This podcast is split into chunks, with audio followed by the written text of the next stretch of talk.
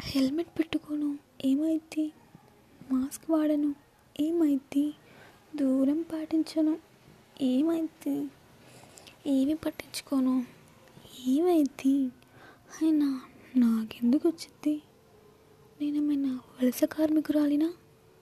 నాకెందుకు వచ్చింది ఈ దేశమైనా పోయొచ్చానా?